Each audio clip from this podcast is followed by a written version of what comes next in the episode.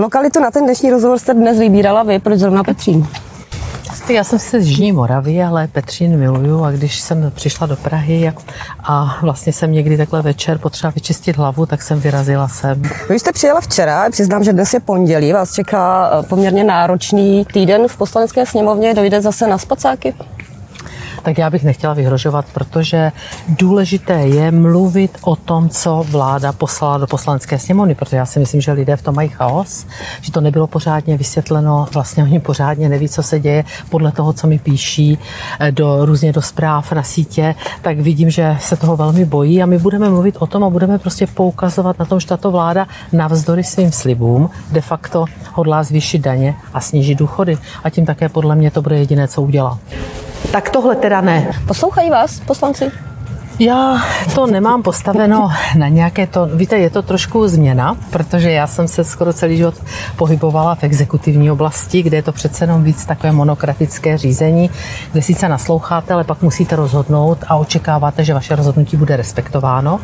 Tohle je trochu něco jiného, protože tam mají 71 osobností, kteří byli zvoleni do poslanecké sněmovny různých oblastí, různých oborů, lékaři, učitelé, inženýři, prostě zastupitelé každý z nich prostě se někde pohybuje, takže musela jsem se to taky učit musela jsem, být jsem zkušená. Co jste se učila teda učila konkrétně? jsem se toho, eh, jakým způsobem ten klub řídit, jak vlastně, eh, jak vlastně volit, jaké metody, eh, nějaké komunikace, protože si myslím, že to nemůže být přímo takovéto direktivní řízení, které jsem byla víc zvyklá z té exekutivy a že to musí trochu být víc o větší diskuzi. Snažím se, pořád se učím. Učíte se celý život a jsem za tu zkušenost velmi vděčná.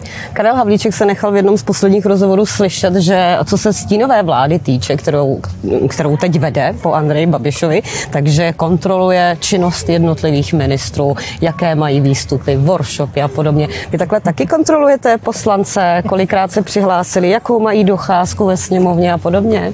No, přiznám se vám, že jsem to udělala jednou. Udělala jsem to právě teď v rámci toho výjezdního zasedání, protože si myslím, že jsme zhruba v polovině volebního období, plus minus v polovině a že by prostě poslanci měli nějakým způsobem si vidět, a vidět to srovnání. Vybrala jsem, eh, vybrala jsem určitá témata, jako docházka do sněmovny, hlasovat, to se vlastně podle hlasování určí, potom jsem vybrala eh, počty pozměňovacích poslaneckých eh, návrhů, vybrala jsem docházku na klub a takové ty zásadní věci, které jsem dala do tabulky, nezrnovala jsem všechny, ale dala jsem odkaz na na místo, kde si to mohou projít a vybrala jsem sedm nejlepších, sedm nejhorších. Udělala jsem to teď, prostě aby trošku, eh, trochu také viděli, že jsou lidé, kteří mají hlasování v 98% a pak jsou někteří... Tak je tam třeba Andrej Babiš. A jmenovat, eh, jmenovat Andrej Babiš se velmi zlepšil. To se zlepšil. Zlepšila jsem ho tam pochválila, protože má přes 40% a zase prostě já to beru tak, že on jel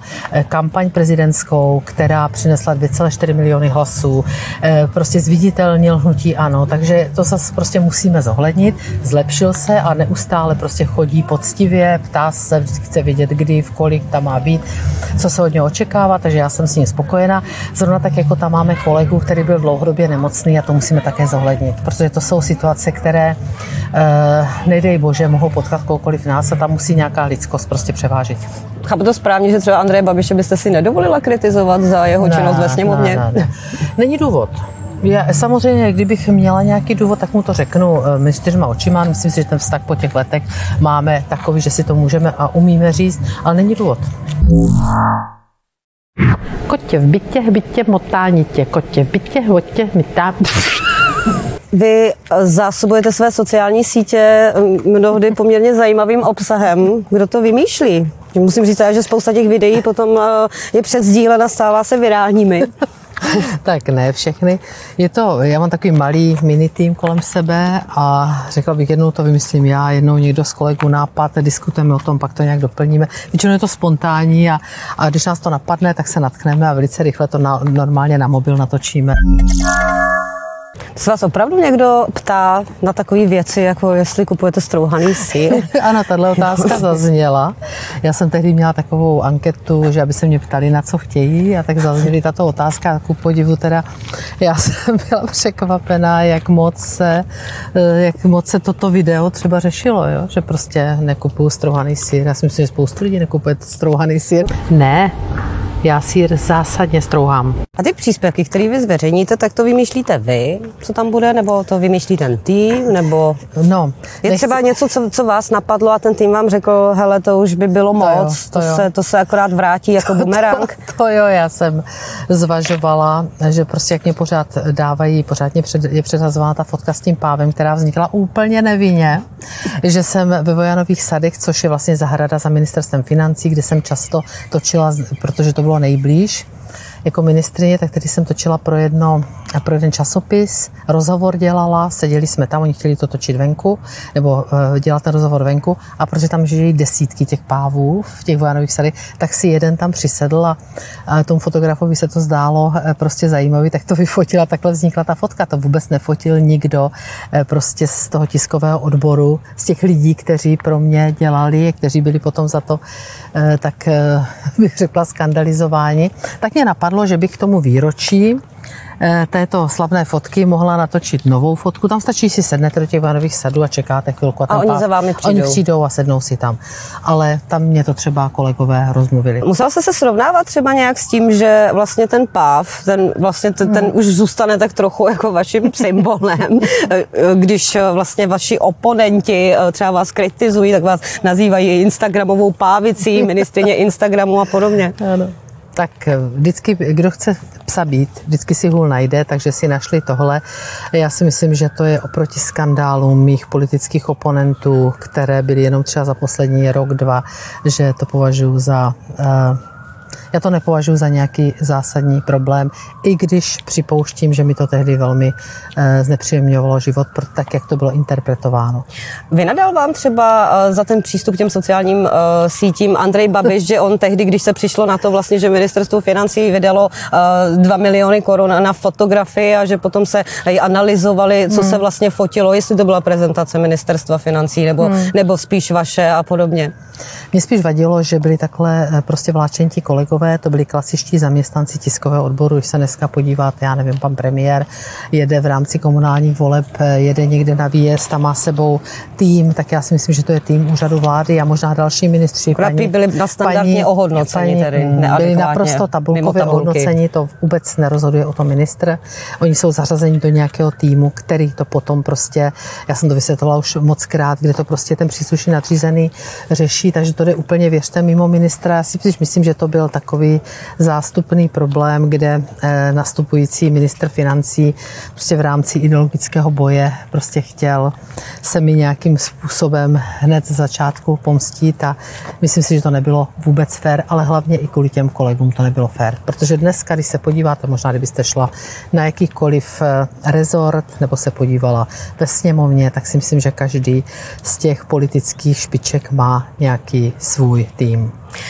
Jak se vám čtou třeba uh, ty hejty, řekněme, na sociálních sítích, který třeba, když vy něco zveřejníte, tak vždycky hmm. se tam objeví nějaké osobní uh, urážky hmm. a podobně? Já to nečtu. Já to to? ne, ne, ne. Takže nemá smysl vám psát na sociálních um, sítích? To smysl samozřejmě má. Dost mi píší lidé do těch zpráv, ne do těch veřejných, ale do těch zpráv třeba na Messenger a tak. Takže já se snažím na Instagram, tam se snažím opravdu poctivě odpovídat, nebo třeba i na nějaké jiné sítě, ale prostě tady ty hejty, zvlášť třeba na Twitteru, to nemá cenu, nemá cenu číst. Až když je něco opravdu vulgárního, což bohužel se taky stává, tak si to třeba všimnou občas mý kolegové a pak eh, bez milosti takového člověka, který je vulgární, zablokujeme, ale mě vadí vulgarita vůči komukoliv z politiku. To ne, jenom ne, že se to týká jenom mě, ale komukoliv jinému. I když by to byl můj oponent, tak mi vadí jakékoliv osobní urážky nebo třeba výpady proti rodině. Jak jste se vlastně seznámili s Andrejem Babišem?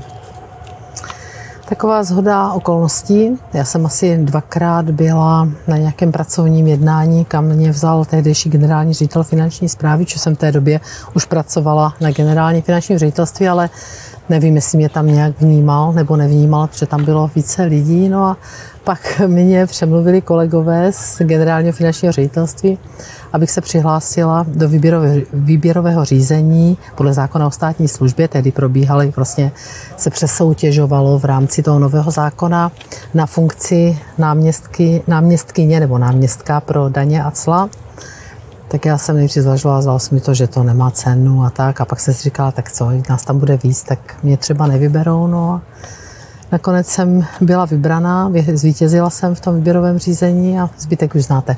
Vy, když jste byla náměstkyní pro daně a cla právě eh, tehdejšího ministra financí Andreje Babiše, tak jste měla tmavé vlasy, černé. Ano. Proč jste, se nechala, život. proč jste se nechala zesvětlit? Není to proto, že Andrej Babiš eh, někdy přiznal, že má slabost ne, pro blondýny? Vůbec.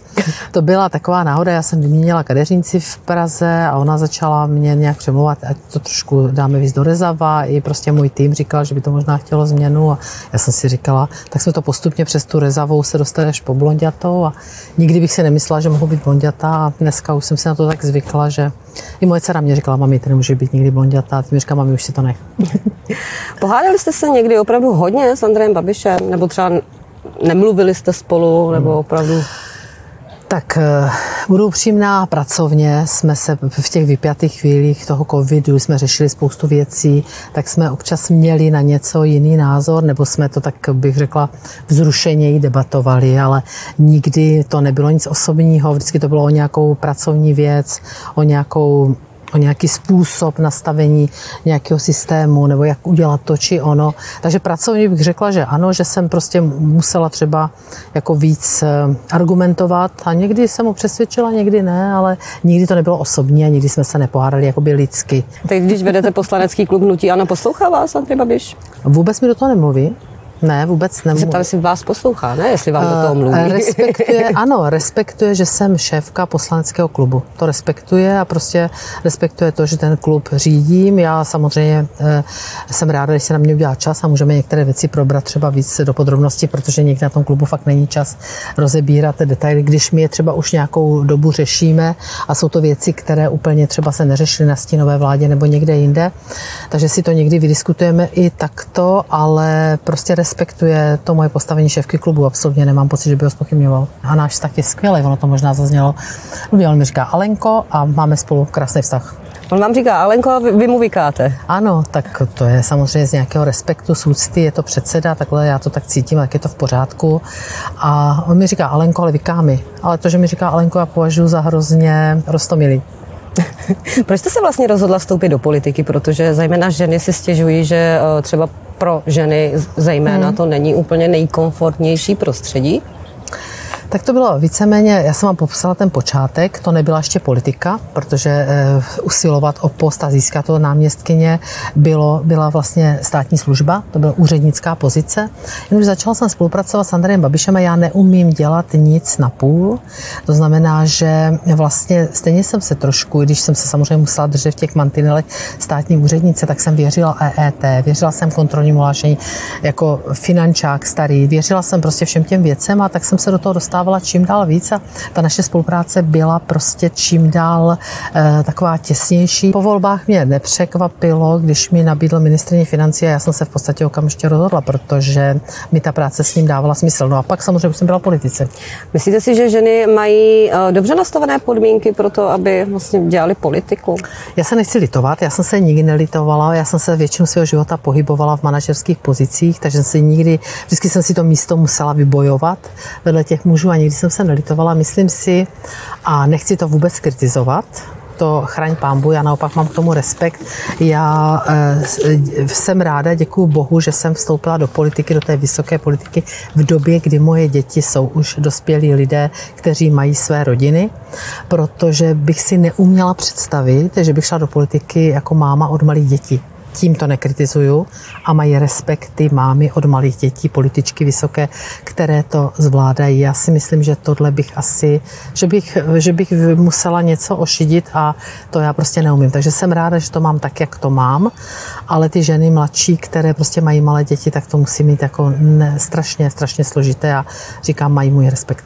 Já jsem v jednom rozhovoru zaznamenala, že jste si jako ministrině tehdy ještě posteskla, že nemáte čas na tajči. To mě překvapilo, že cvičíte tajči.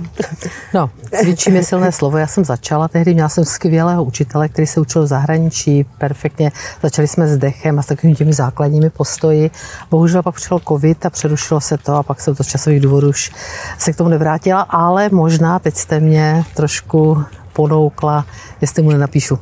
Tak to byste mě mohla něco naučit, to vám možná všechno- něco zůstalo, ne? Já jsem všechno zapomněla. Zaprvé mám nevhodný oděv, měla bych být bosá správně, měla bych mít volné takové bavlněné kalhoty, volné bavlněné triko, nic z toho na sobě nemám. No a pak je prostě, určitě to udělám špatně, jestli se pan učitel bude dívat, tak se mu to líbit nebude, ale se základ ozve, je... ozve sám, on vám. se ozve sám, že potřebuju, potřebuju další lekce, eh, podstatné dýchání. Prostě naučit se správně dýchat a pak vlastně k tomu dýchání přidávat ty další postoje, další, eh, další cviky. Bylo to úžasné, já si vzpomínám, jak úplně jsem zapomněla na všechny starosti světa, takže ten dech, určitě to udělám špatně, takže se dopředu omlouvám všem znalcům, ale přestoupnout si rovně, poskybí, Na co přitom myslíte třeba, když takhle právě že na nic. na nic? Je potřeba myslet jenom na ten dech a pokud se soustředíte na ten dech a děláte to dobře, což jsem určitě neudělala, tak eh, prostě nemáte šanci myslet na něco jiného. A tím si tu hlavu vlastně čistíte. Potom vlastně tady to je třeba nějaký základ a potom Ano. tam jsou a jako pak se přidávají různé. takový ty... Ono se to, eh, to tady je takový specifický, ono se tam prostě přidávají různý potom postoje a různě to, je to docela náročný. Jo. Já si pamatuju, že byly cviky, které se potom kombinovaly, já už teď si netroufnu to ukázat nějak, ale zdokonalím se příště. Příště, Příště vám to to budu pamatovat. Že Některé fakt už byly fakt složité. Jo? Že začátku jsme začali tak jednoduše, že to vypadalo a byly i fyzicky náročné, protože pak tam stojíte třeba na jedné noze nebo Aha. přenášíte různě váhu, takže pak to bylo i docela fyzicky náročné, ale bylo to skvělý, skvělý. A napíšu mu, napíšu mu ještě dneska večer. Tak to jsme měli tajči, co vaše další zájmy. Tak teď jsou to především moje vnoučata. Mám dva vnuky a na cestě, když to dobře dopadne, tak na cestě je vnučka. To by měla se narodit někdy v půlce srpna, takže já určitě, když vyšetřím nějakou chvilku, tak eh, bez zbytku ji věnuju svým vnoučatům, že to je prostě něco úžasného. Jakou knihu máte rozečtenou? A to jste mi ty zaskočila. Já čtu hodně duchovní knihy.